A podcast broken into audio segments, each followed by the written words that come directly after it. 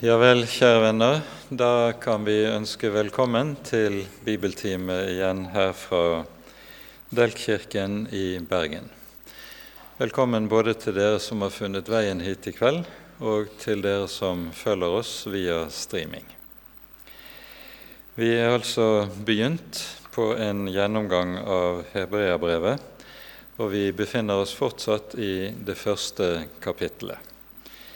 Og tanken er at i dag skal vi bruke hoveddelen av tiden på eh, resten av kapittel 1.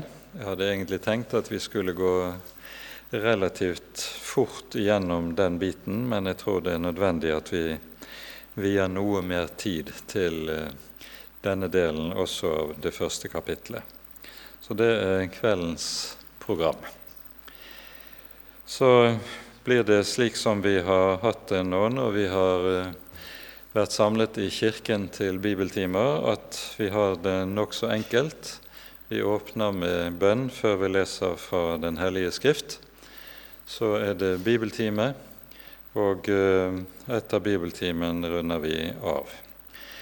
Eh, hvis vi får ordnet det slik at vi i løpet av høsten kan samles igjen oppe i menighetssalen, og det lar seg gjøre å ha streaming også derfra under bibeltimene, så vil vi gå tilbake til den gamle ordningen med at vi også kan ha litt bordfellesskap i sammenheng med bibeltimene. Men foreløpig blir det altså sånn på enkelt vis her ifra Kirken. La oss be sammen før vi begynner. Vi takker og lover deg, Herre vår Gud og trofaste Far. Takk at du har gitt oss ordet om din elskede Sønn. Du har åpenbart ham for oss, åpenbart Hans herlighet for oss, for at vi også skal få eie livet i ham. Takk, Herre Jesus, at du er den som har gjort soning for alle våre synder, for at vi skal få være Guds barn og arvinger til all din miskunnhet og all din nådes rikdom. Takk, Herre Jesus, at du har gjort alt som er nødvendig for vår frelse, og at vi skal få lov til å hvile på og bygge på det du har gjort, og at ingenting er avhengig av oss og vår egen innsats.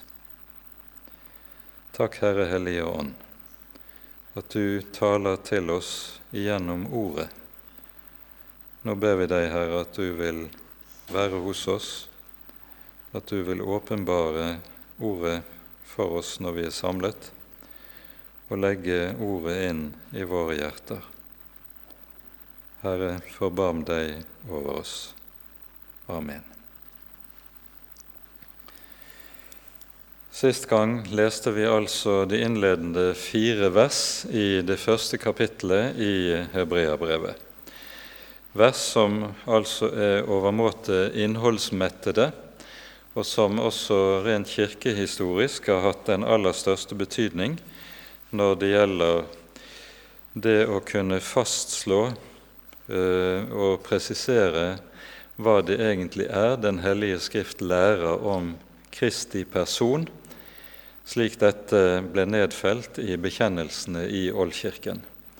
Det er slik at nettopp disse fire første versene i Hebreabrevet 4 kom til å ha en helt avgjørende betydning i så måte. Vi gjør det sånn i kveld at vi leser resten av kapittel 1. Vi leser fra vers 4 og ut kapittelet til og med vers 14, nå til innledning. I Faderens, Sønnens og Den hellige ånds navn. Han er blitt så meget større enn englene, som han har arvet et herligere navn fremfor dem.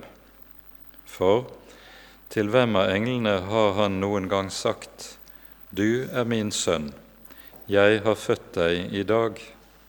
Og et annet sted:" Jeg vil være en, ham en far, og han skal være meg en sønn. Og når han så igjen fører den førstefødte inn i verden, sier han, og alle Guds engler skal tilbe ham. Om englene sier han, han gjør sine engler til vinder og sine tjenere til flammende ild. Men om Sønnen sier han, din trone, Gud, står i all evighet, og rettferds kongestav er ditt rikes kongestav. Du elsker rettferd og hater lovløshet. Derfor, Gud, har din Gud salvet deg med gledens olje fremfor dine medbrødre. Og du, Herre, la i begynnelsen jordens grunnvoll, og himlene er dine henders verk. De skal gå til grunne, men du forblir. De skal alle eldes som et kledebon, som en kappe skal du rulle dem sammen, som et klesplagg skal de skiftes. Men du er den samme, og dine år tar aldri slutt. Men til hvem av englene har han noen gang sagt:" Sett deg ved min høyre hånd, til jeg får lagt dine fiender til skammel for dine føtter. Er de ikke alle tjenende ånder som sendes ut til tjeneste for deres skyld, som skal arve frelse. Vi nevnte forrige gang i forbindelse med gjennomgangen av de første versene i kapittelet at det aller meste i hebreerbrevet kan samles under overskriften 'Se hvor stor Han er'. Disse ordene står, står skrevet i kapittel 7. Se hvor stor Han er. Og eh, her i dette avsnittet vi nå har lest, så er det nettopp det som er noe poenget. Her pekes det på Jesus storhet i forhold til englene. At dette skjer i denne sammenheng, det har nok noe med det å gjøre at det er eh, mennesker blant jødene, som, eller de jødekristne, som har hatt problemer med spørs spørsmålet hva, hvem var egentlig Jesus? Var han blott og bart et menneske? Var han noe mer enn et menneske? Var han i tilfelle en engel som har kommet i menneskeskikkelse? Osv. Den typen spørsmål er antagelig bakteppet for det som tas opp i dette avsnittet. Og Hele tankegangen konsentreres rundt bekjennelsen til at Jesus er Gud av evighet. Og Det belegges ved hjelp av bibeltekster fra Det gamle testamentet, først og fremst fra Salmenes bok. Nå vil det være slik at den som tar seg tid til å lese disse henvisningene fra Salmenes bok, som det her står henvisning til, og lese dem og sammenligne med teksten i, som vi finner den i Det gamle testamentet, så vil en se at det er en del ulik, ulikheter i tekstene. De sitatene som gjengis her i Hebreane 1, de skiller seg på flere steder fra det som står i teksten slik vi har den i våre gamle testamenter. Det henger sammen med at den bibeltekst som forfatteren til hebreabrevet har brukt, det er den tekst som kalles for Septuaginta.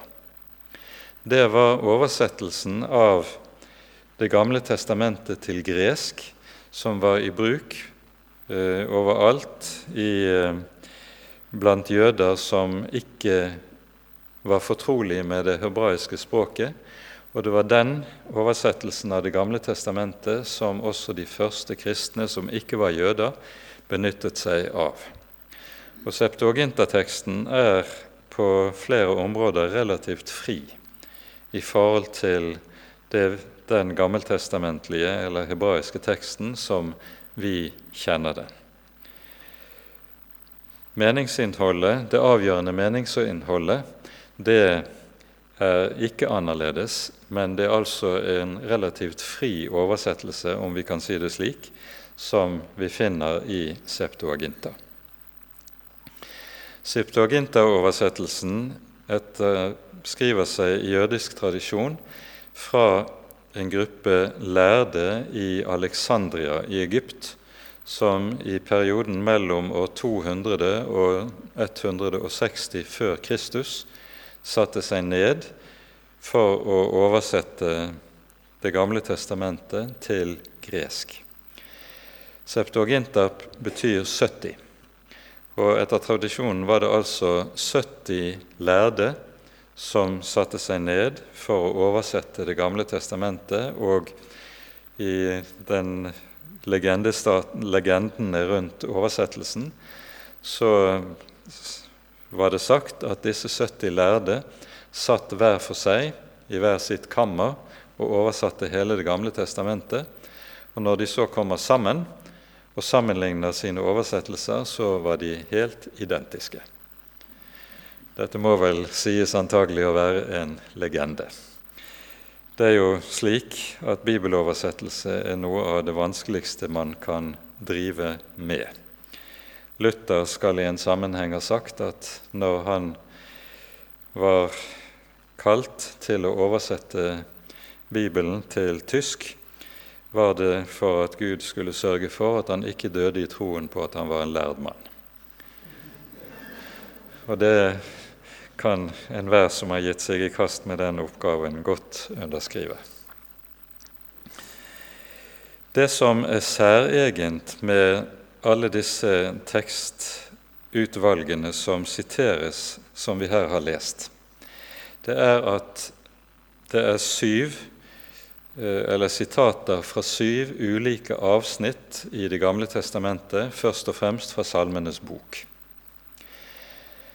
Og til forskjell fra det vi ellers ser i Det nye testamentet, er det slik at her innledes sitatene med at Gud sier eller Gud sa. Overalt ellers i Det nye testamentet hvor skriftsitater innledes, så sies det 'det står skrevet'.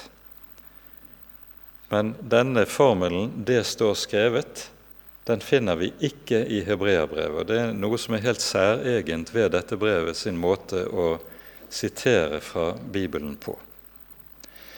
Og antagelig er det slik at dette henger sammen med det som man i dag innen forskningen stort sett er enige om, at hebreerbrevet er en bibeltime som er kommet i skriftlig form til menighetene, og derfor eh, har en annen form også på denne måten å vise til Det gamle testamentet på. I vår sammenheng har dette stor betydning fordi hebreerbrevet jo innledes med disse ordene etter at Gud Ford, i fordums tid mange ganger og på mange måter hadde talt til fedrene gjennom profetene, har Han, altså Gud, nå i disse siste dager talt til oss. Og så er det slik at skriftsitatene innledes med 'Gud sier' eller 'Gud har sagt'. Det er altså den tale som vi finner i Det gamle testamentet, som fortsetter som direkte tale til menighetene i hebreabrevet. Og Dette er et hovedpoeng med hele formen for slik vi finner den i brevet. Formelen 'det står skrevet' brukes overhodet ikke i hebreerbrevet. Se hvor stor han er, har vi sagt det er noe av temaet i hebreabrevet. Og dette temaet anslås allerede her i vers 4.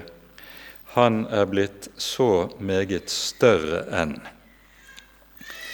Det ordet som brukes her på gresk, det er et ord som eh, anvendes hele 13 ganger i brevet.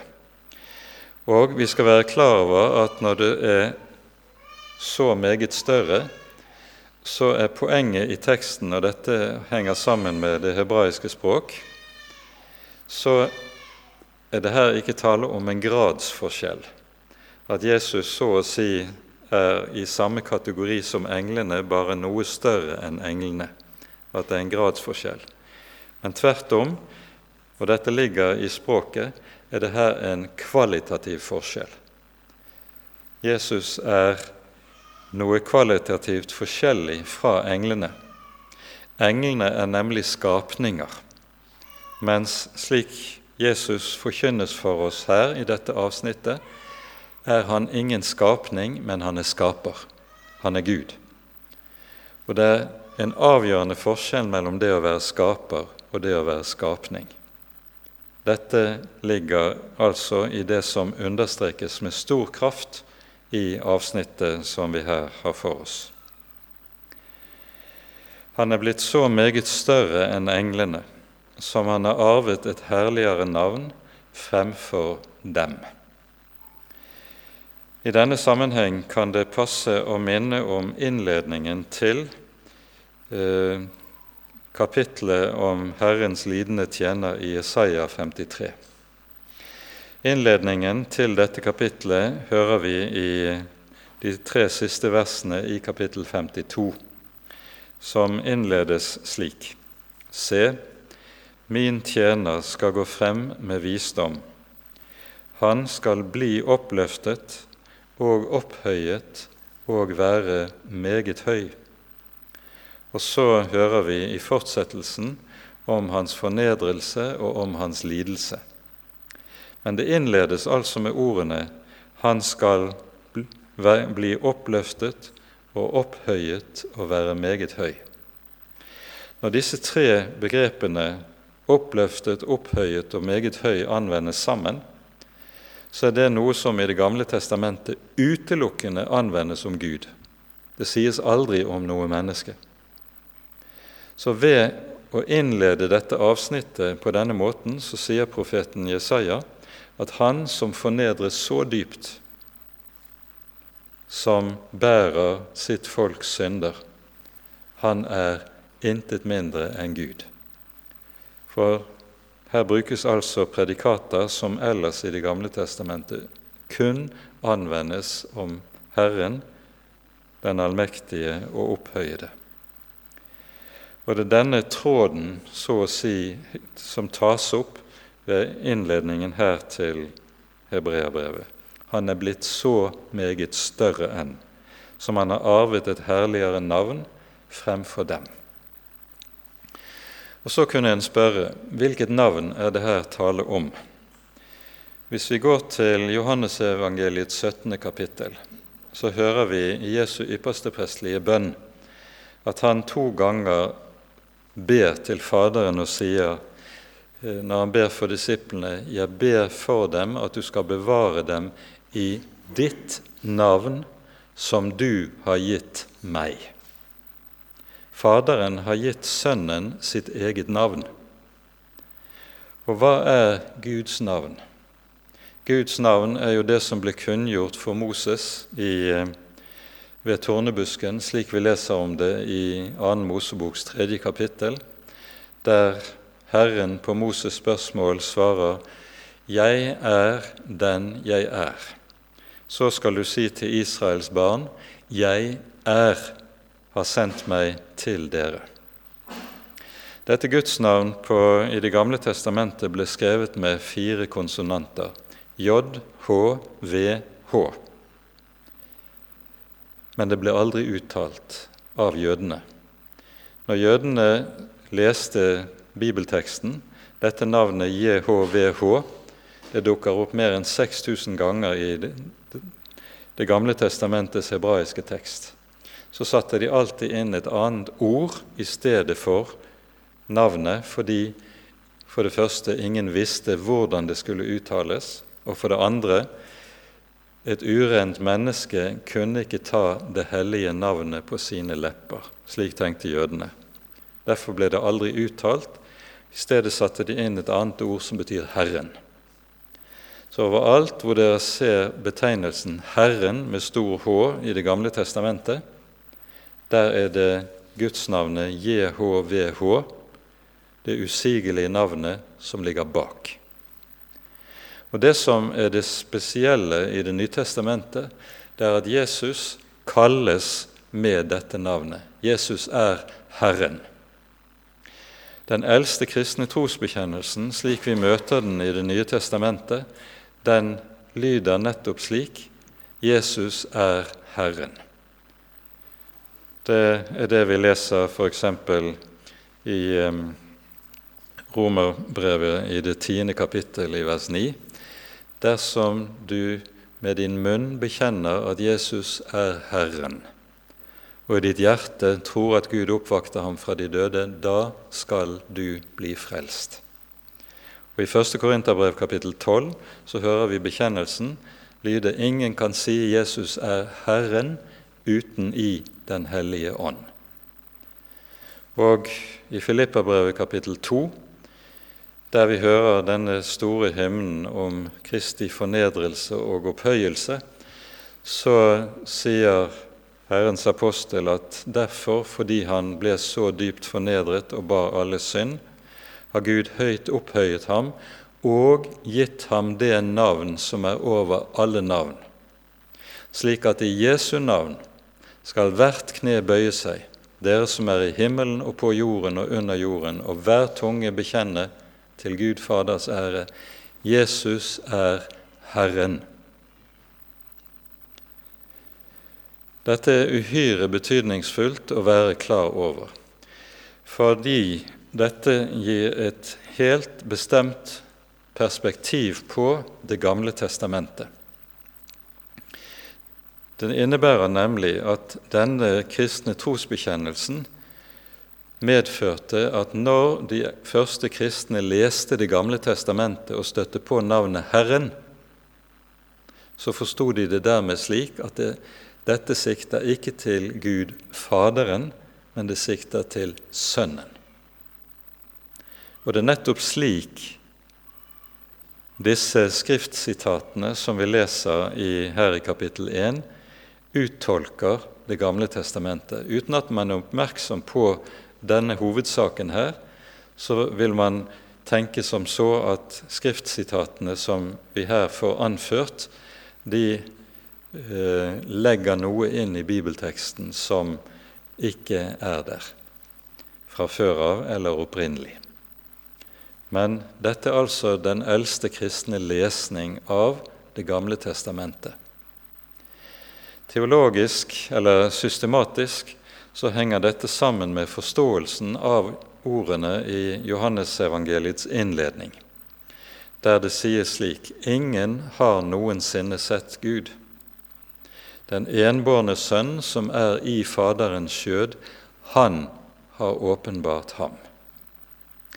Og Da er poenget at når Jesus Kristus er den som åpenbarer Gud, så er han den som åpenbarer Gud ikke bare i Det nye testamentet, men også i Det gamle testamentet. Overalt der Gud trer frem og åpenbarer seg, slik vi hører det i Det gamle testamentets hellige skrift, der så de første kristne Jesus fordi han er Herren. Han bærer det hellige navnet. Dette er det mye å si om.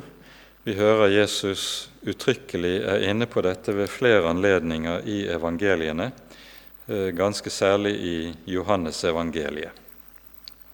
Her skal vi bare peke på en annen tekst som også har meget stor betydning nemlig fra Jesu lidelseshistorie, slik vi hører den referert i Markusevangeliet i kapittel 14.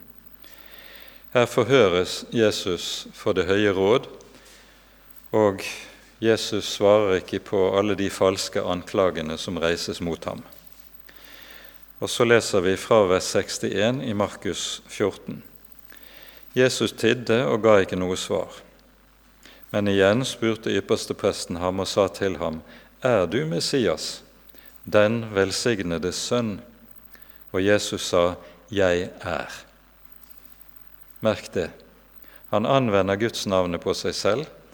I tidligere oversettelser ble dette oversatt som en bekreftende setning Ja, det er jeg. Men bokstavelig står det altså i grunnteksten 'Jeg er'. Jesus gir, siterer altså her Guds navnet, og så fortsetter han med å si dere skal se menneskesønnen sitte ved kraftens høyre hånd og komme med himmelens skyer. Og Med det peker Jesus på to ord fra Det gamle testamentet. Han kombinerer dem i sitt svar, nemlig ordene fra Salme 110, som vi hører også her i Hebreane 1, og fra Daniel 7, der Daniel så en som lignet en menneskesønn som kom med himmelens skyer, og av den allmektige fikk makten og æren og herligheten og satte seg på en trone ved den allmektiges høyre hånd. Dette er altså i Det høye råds øyne Guds bespottelse og blir den eh, rent formelle årsaken til dødsdommen over Jesus, og som fører ham til korset. Jesus er den som bærer det hellige navnet fra Det gamle testamentet, og det er det som det altså siktes til her. Og Det vi skal være oppmerksom på, er at dette hellige navnet i Det gamle testamentet det uttales ikke i Det nye testamentet heller. Det nye testamentet følger jødenes praksis. De sier 'Herren', du hører aldri at i Det nye testamentet kalles Gud for Jahve eller Jehova, som man ofte har gjort det i moderne tid, fordi den nytestamentlige menighet så på den praksis som jødene hadde på dette området, som bindende. Derfor mener jeg også at vi skal forholde oss på samme måte til denne praksis, og ikke bruke denne typen gudsnavn som teologene spekulerer i kan ha vært den opprinnelige uttalen. Ingen vet nemlig hvordan navnet ble uttalt. Det er nå en parentes, men det er, kan være godt å være oppmerksom på akkurat det. Går vi så til det neste verset, så hører vi to eh, retoriske spørsmål, like som to retoriske spørsmål avslutter avsnittet i vers 13.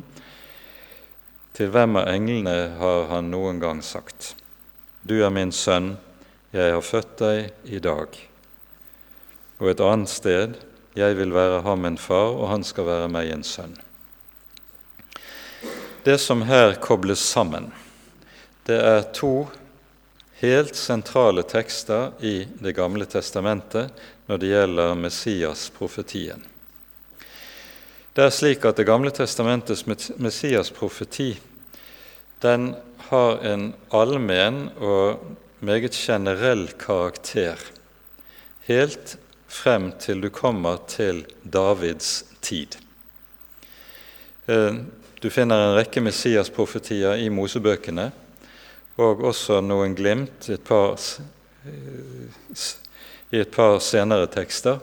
Men det er først når du kommer til Davids tid, at Messias-profetien tar et, så å si et meget langt skritt fremover og blir meget mer konkret enn den har vært tidligere.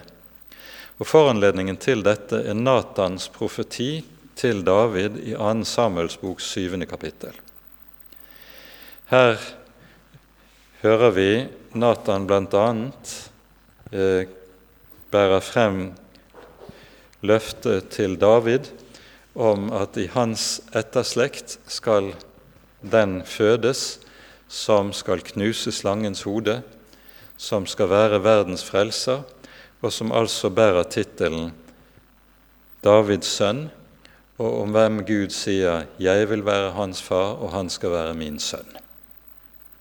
Dette sies uttrykkelig i profetien her.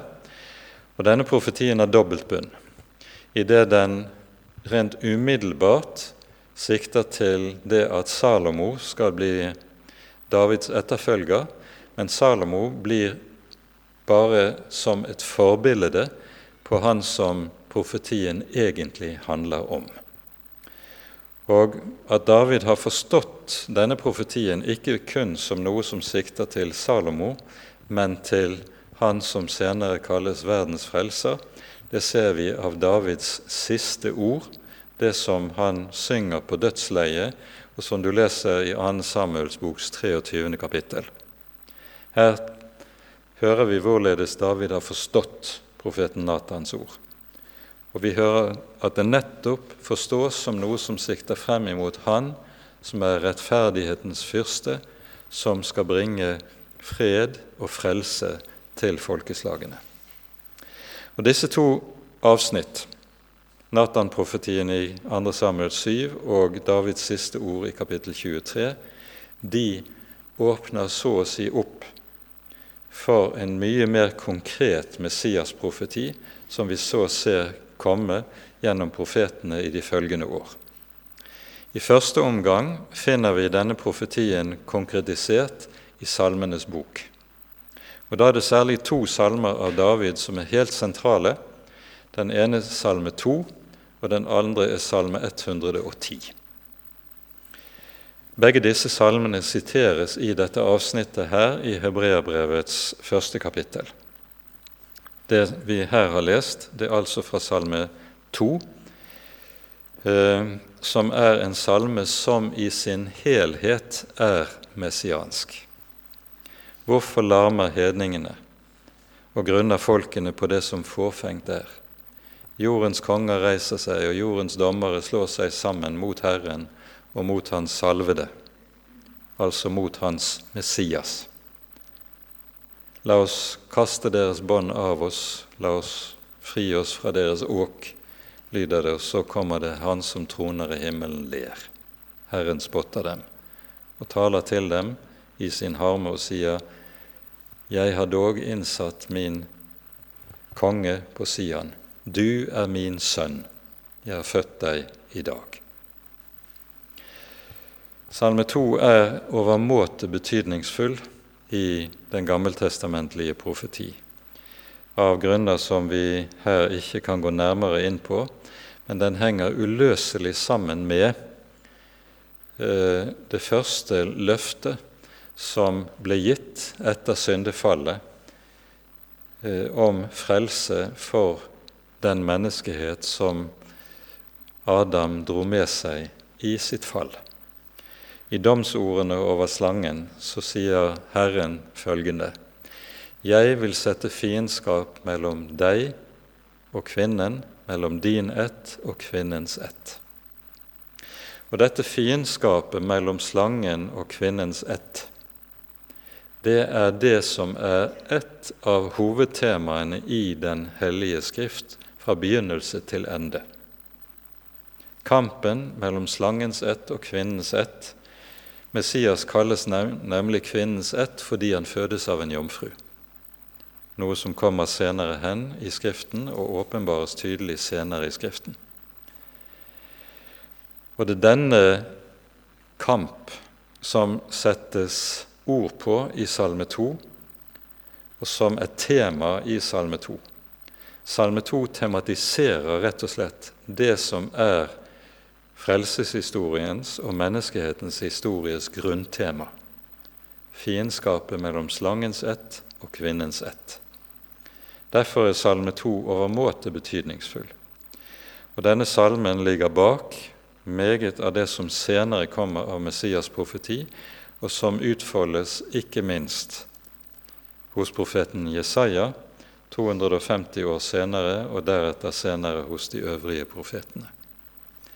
Men bak alt dette ligger altså Natan-profetien i andre Samuels bok, som er så betydningsfull som den faktisk er. Det er altså slik at ingen engel har noen gang fått høre ordene 'Du er min sønn, jeg har født deg i dag'. Vi hører noen steder i Det gamle testamentet at englene kan kalles Guds sønner eller Guds barn som et kollektiv. Det nevnes f.eks. i innledningen til Jobbs bok. Men ingen enkelt engel har noen gang fått høre ordene 'Du er min sønn'. Det bare nevnes som et kollektiv, det er som et fellesskap som får denne betegnelsen. Guds sønner, og betegnelsen Guds sønner det anvendes også som betegnelse på alle Guds barn, som fellesskap, slik vi også kan høre det i en rekke sammenhenger i Det gamle testamentet. Men at én person pekes ut som den ene, som den enbårne, og får høre 'Du er min sønn, jeg har født deg i dag', det gjelder kun om ham som er evangeliets kjerne og stjerne. Så møter vi i det neste verset når han så igjen fører den førstefødte inn i verden, sier han, alle Guds engler skal tilbe ham. Her har vi et sitat fra Salme 97, og her er det nettopp slik at det, man ser veldig tydelig at det er Septuaginta-oversettelsen som ligger bak. For i um, Salme 97 står det i den hebraiske teksten 'og alle guder skal tilbe ham'. Men så oversetter altså Septuaginta med 'alle engler skal tilbe ham'. Poenget er med sitatet det er at her vil hebreerbrevets forfatter si Sønnen er den som selv englene, selv de aller høyeste engler, tilber. Og Det er en grunntanke i Skriften at det er bare én som eier tilbedelse, som har krav på tilbedelse, og som er verdig tilbedelse, og det er Gud. Så når englene tilber Sønnen, så er det, sies det dermed han har guddommelig status, han er Gud. Så fortsetter det at i vers 7 settes det så opp en motsetning. Om englene sier han derimot altså han gjør engler til vinner og sine tjenere til flammende ild. Og det, Med dette er vi inne i et sitat fra, på ny fra Salmenes bok, det er Salme 104, som ligger bak.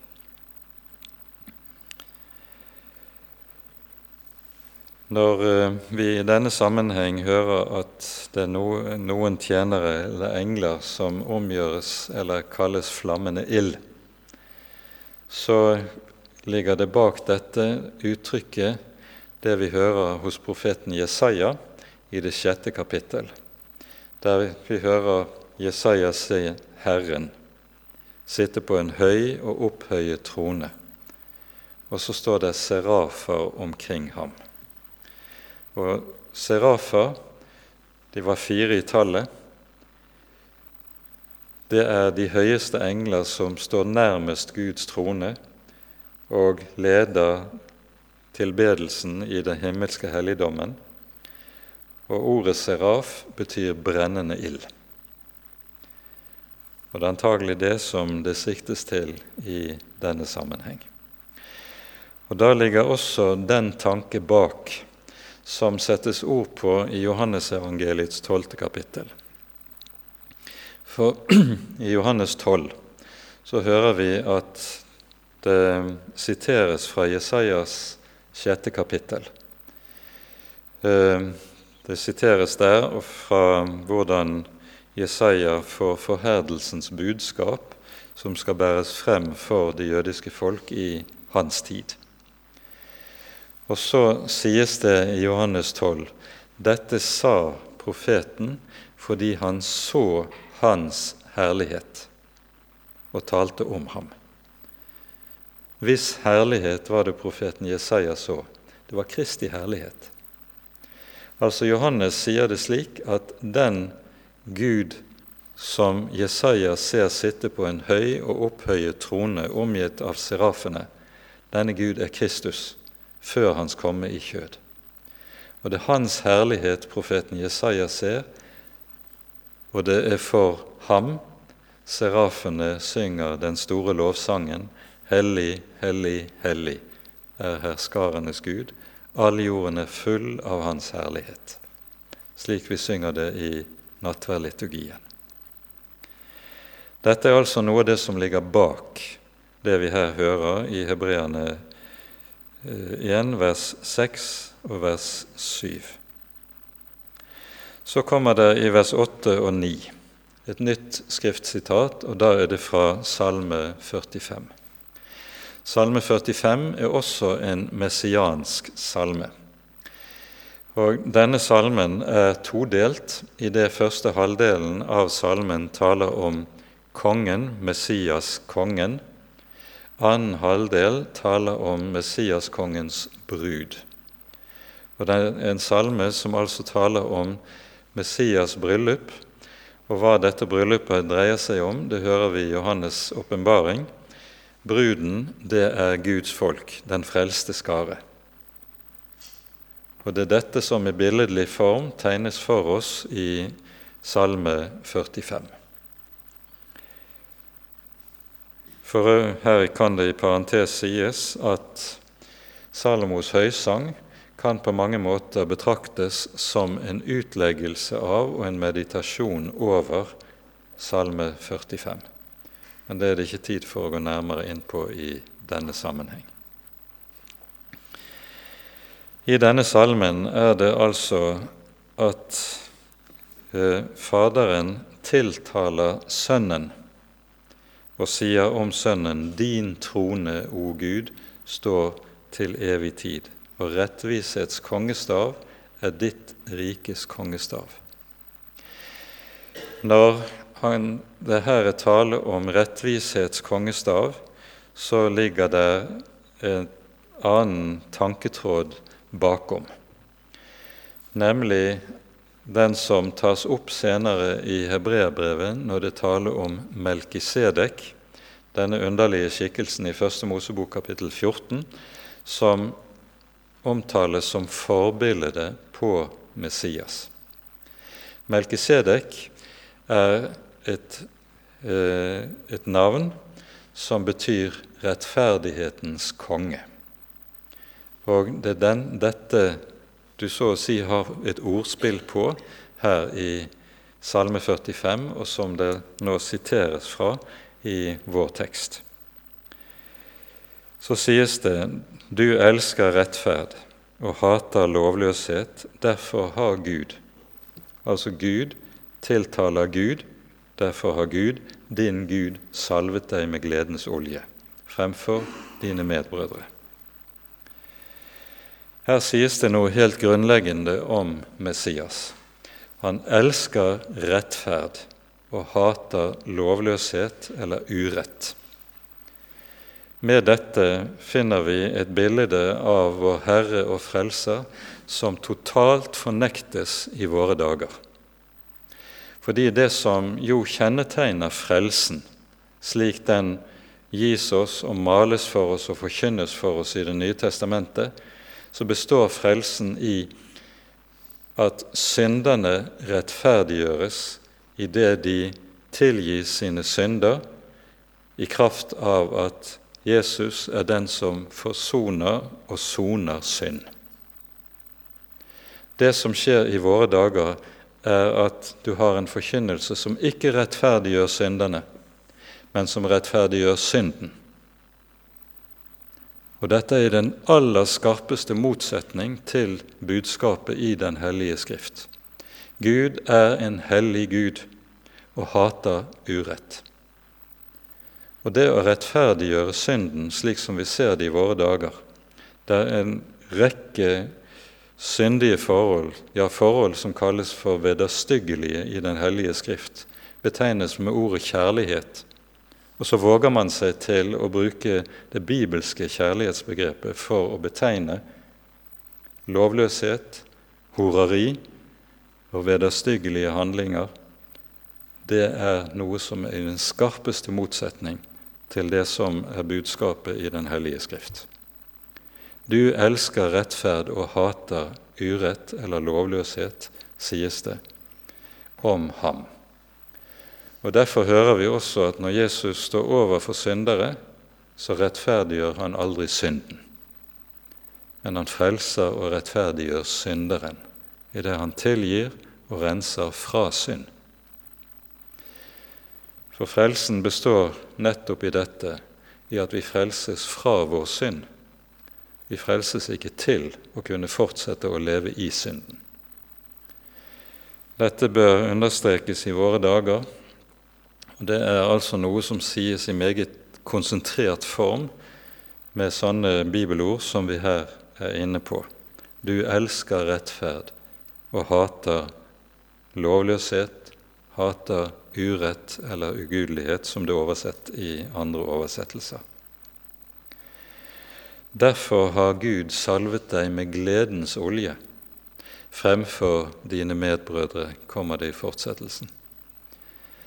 Her er det tale om Messias glede. Gleden i rettferdigheten, gleden over frelsen, gleden over de som lar seg frelse. Dette omtales i evangeliene i Lukas 15, når vi hører om mannen som har mistet et får og forlater de 99 for å gå og lete etter det ene, og finner det ene etter å ha lett og legger det på sine skuldre med glede. Og så står det 'således er det glede i himmelen'. Større glede over den ene enn over 99 rettferdige som ikke trenger omvendelse. Denne Guds glede, Kristi glede, som kommer i forbindelse med hvert menneske som lar seg frelse. Den er det vi møter også i denne sammenheng. Og dette er noe som hebreerbrevet også vender tilbake til litt senere. Så kommer det neste skriftsitatet fra vers 10 til 12. Det er hentet fra slutten av Salme 2. Og her er det tale om hvorledes Jesus Messias som Gud altså også er skaper. I innledningen til det første kapittelet sies det uttrykkelig at det er ved ham, ved Jesus Kristus, at Gud har skapt alle ting. Himmel og jord er skapt ved ham. Men her sies det altså direkte at Jesus selv er skaperen. I kraft av at han er en av personene i den treenige Gud, så har han del i skaperverket. Han er ikke skapning, men skaper. Og Derfor er det en helt fundamental forskjell mellom ham og alt annet som er skapt. Det skapte, det er forgjengelig og skal gå til grunne. Men fordi han er Gud, så er han den samme, og hans år tar aldri slutt, sies det i 12. Dette er noe som vi møter igjen senere i Hebreabrevet. I kapittel 13 sies det om vår Herre Jesus at han er den samme i går og i dag og til evig tid. Noe som kun kan sies om ham fordi han er Gud. Så kommer vi til det siste av de syv uh, skrifthenvisningene i dette avsnittet i vers 13.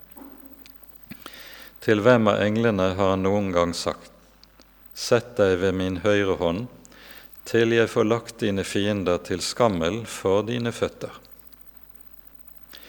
Og Med dette er vi altså inne i Salme 110, som altså som nevnt også er en helt sentral messiansk salme.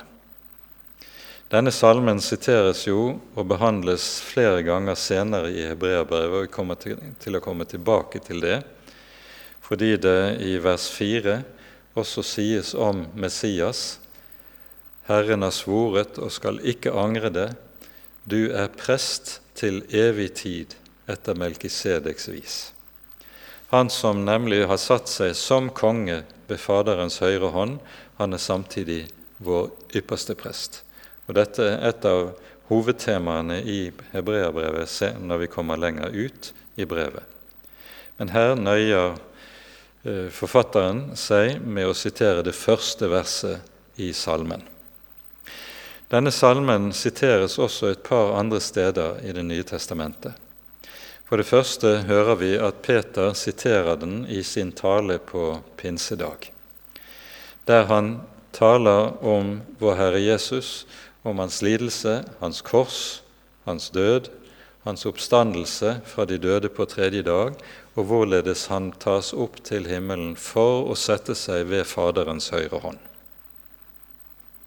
Kristi opphøyelse er et meget viktig del av Peters pinsebudskap. Og da er det slik at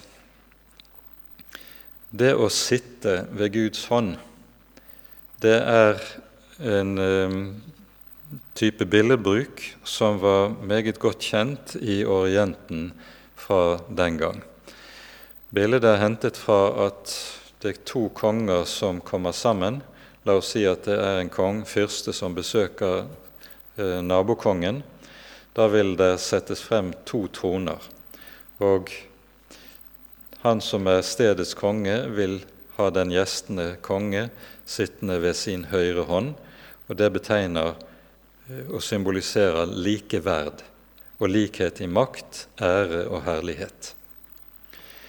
Og Det at Jesus altså får sitte ved Faderens høyre hånd, det understreker nettopp at han har guddommelig status, han er Gud. Når vi hører om englene i himmelen, så sitter de ikke, de står. De står for Guds ansikt, eller de eventuelt kneler og kaster seg ned for Guds ansikt. Den som sitter i himmelen, han har guddommelig status. Og Dette er en viktig side ved eh, måten det, han omtales på i denne sammenheng. Ellers er det slik at Jesus selv henviser til Salme 110 i den siste stridssamtalen han har med fariseerne, slik vi hører om det i Matteusevangeliets 22. kapittel. I kapittel 22 er det hos Matteus hører vi at både fariseere og saduseere og andre kommer til Jesus for å prøve å sette han fast.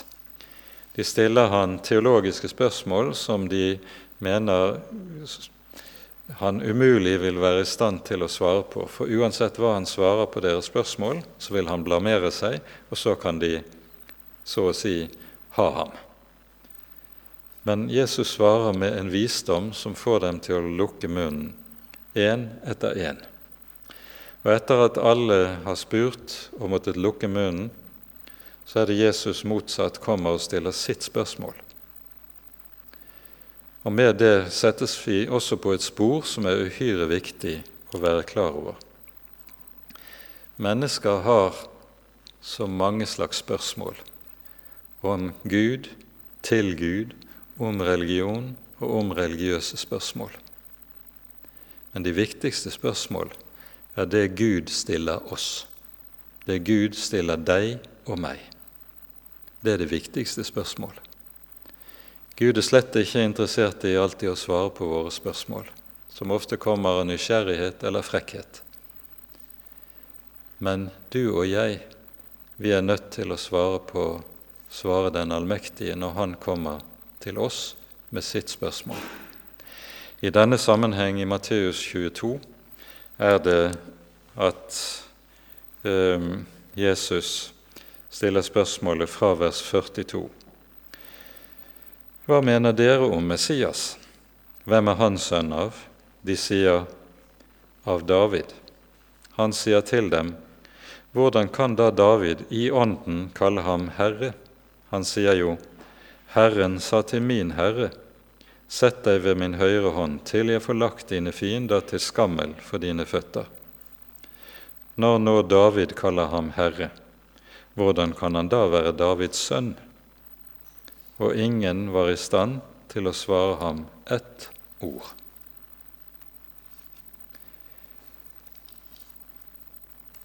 I Jesu munn så er Salme 110 et skriftbevis på Messias guddom. For nettopp dette var noe av det som kom til å bli et av de største anstøt i forholdet mellom jødedom og den unge kristendom i urkirken. Jødene, eller de jødiske lærde, kunne ikke anerkjenne at Jesus var Gud. Når de talte om Messias, så mente de om Messias han var kun menneske.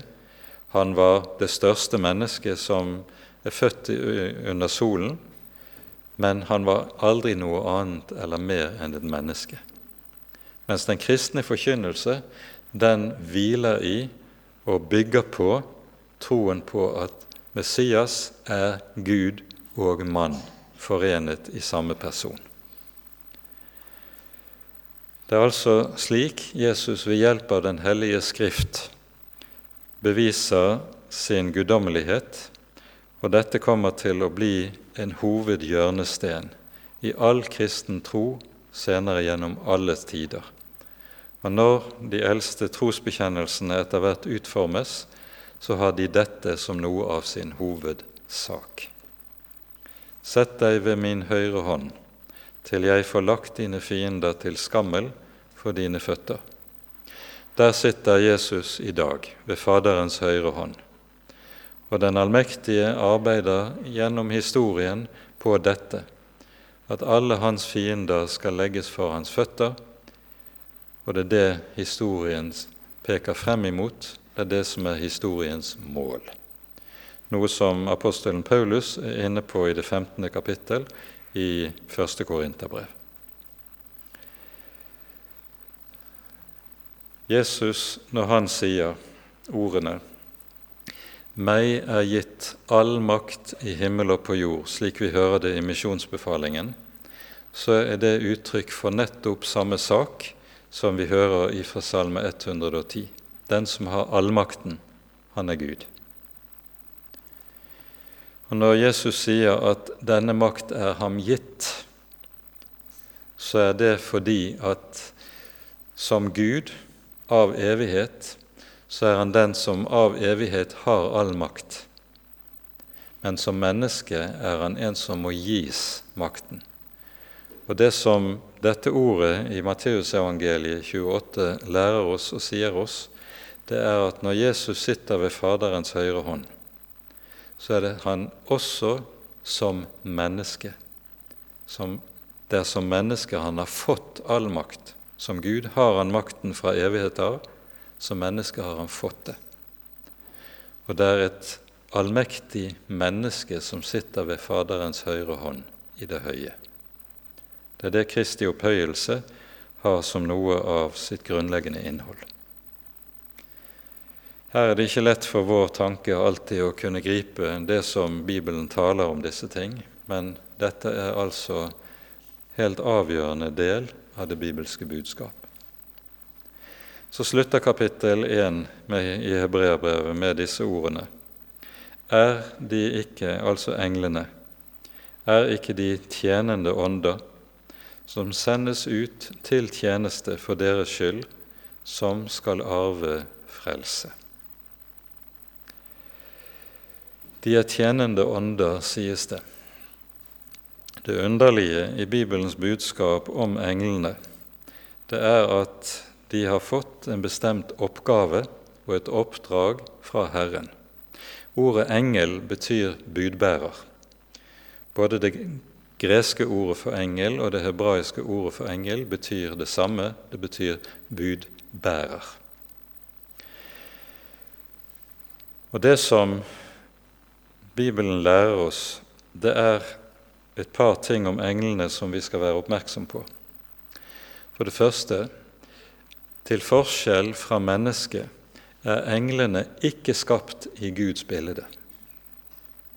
Det er mennesket som er skapt i Guds bilde. Englene er langt, langt større enn oss mennesker i makt og herlighet og ære.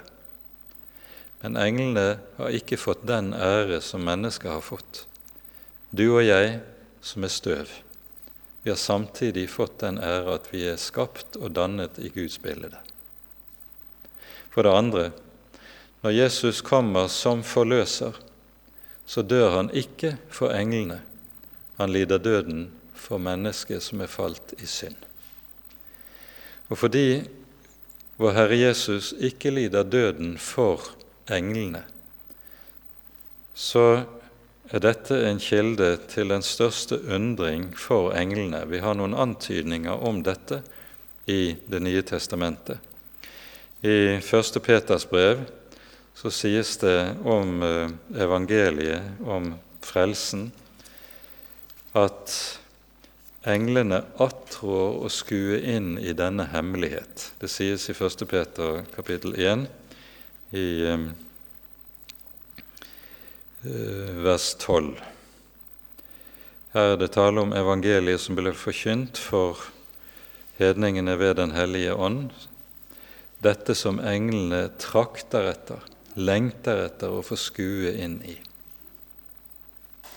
For evangeliet er et mysterium, nemlig at den evige Gud, som troner så høyt i ære og herlighet, kan bøye seg så dypt ned, og at han kan gi seg selv for noen som har falt så usigelig dypt. Englene har ikke falt, i hvert fall ikke disse. Det tales jo også om falne engler i Bibelen, men det er ikke de det taler om her. Men at den allmektige kan bøye seg så dypt ned, det er nesten ubegripelig for englene.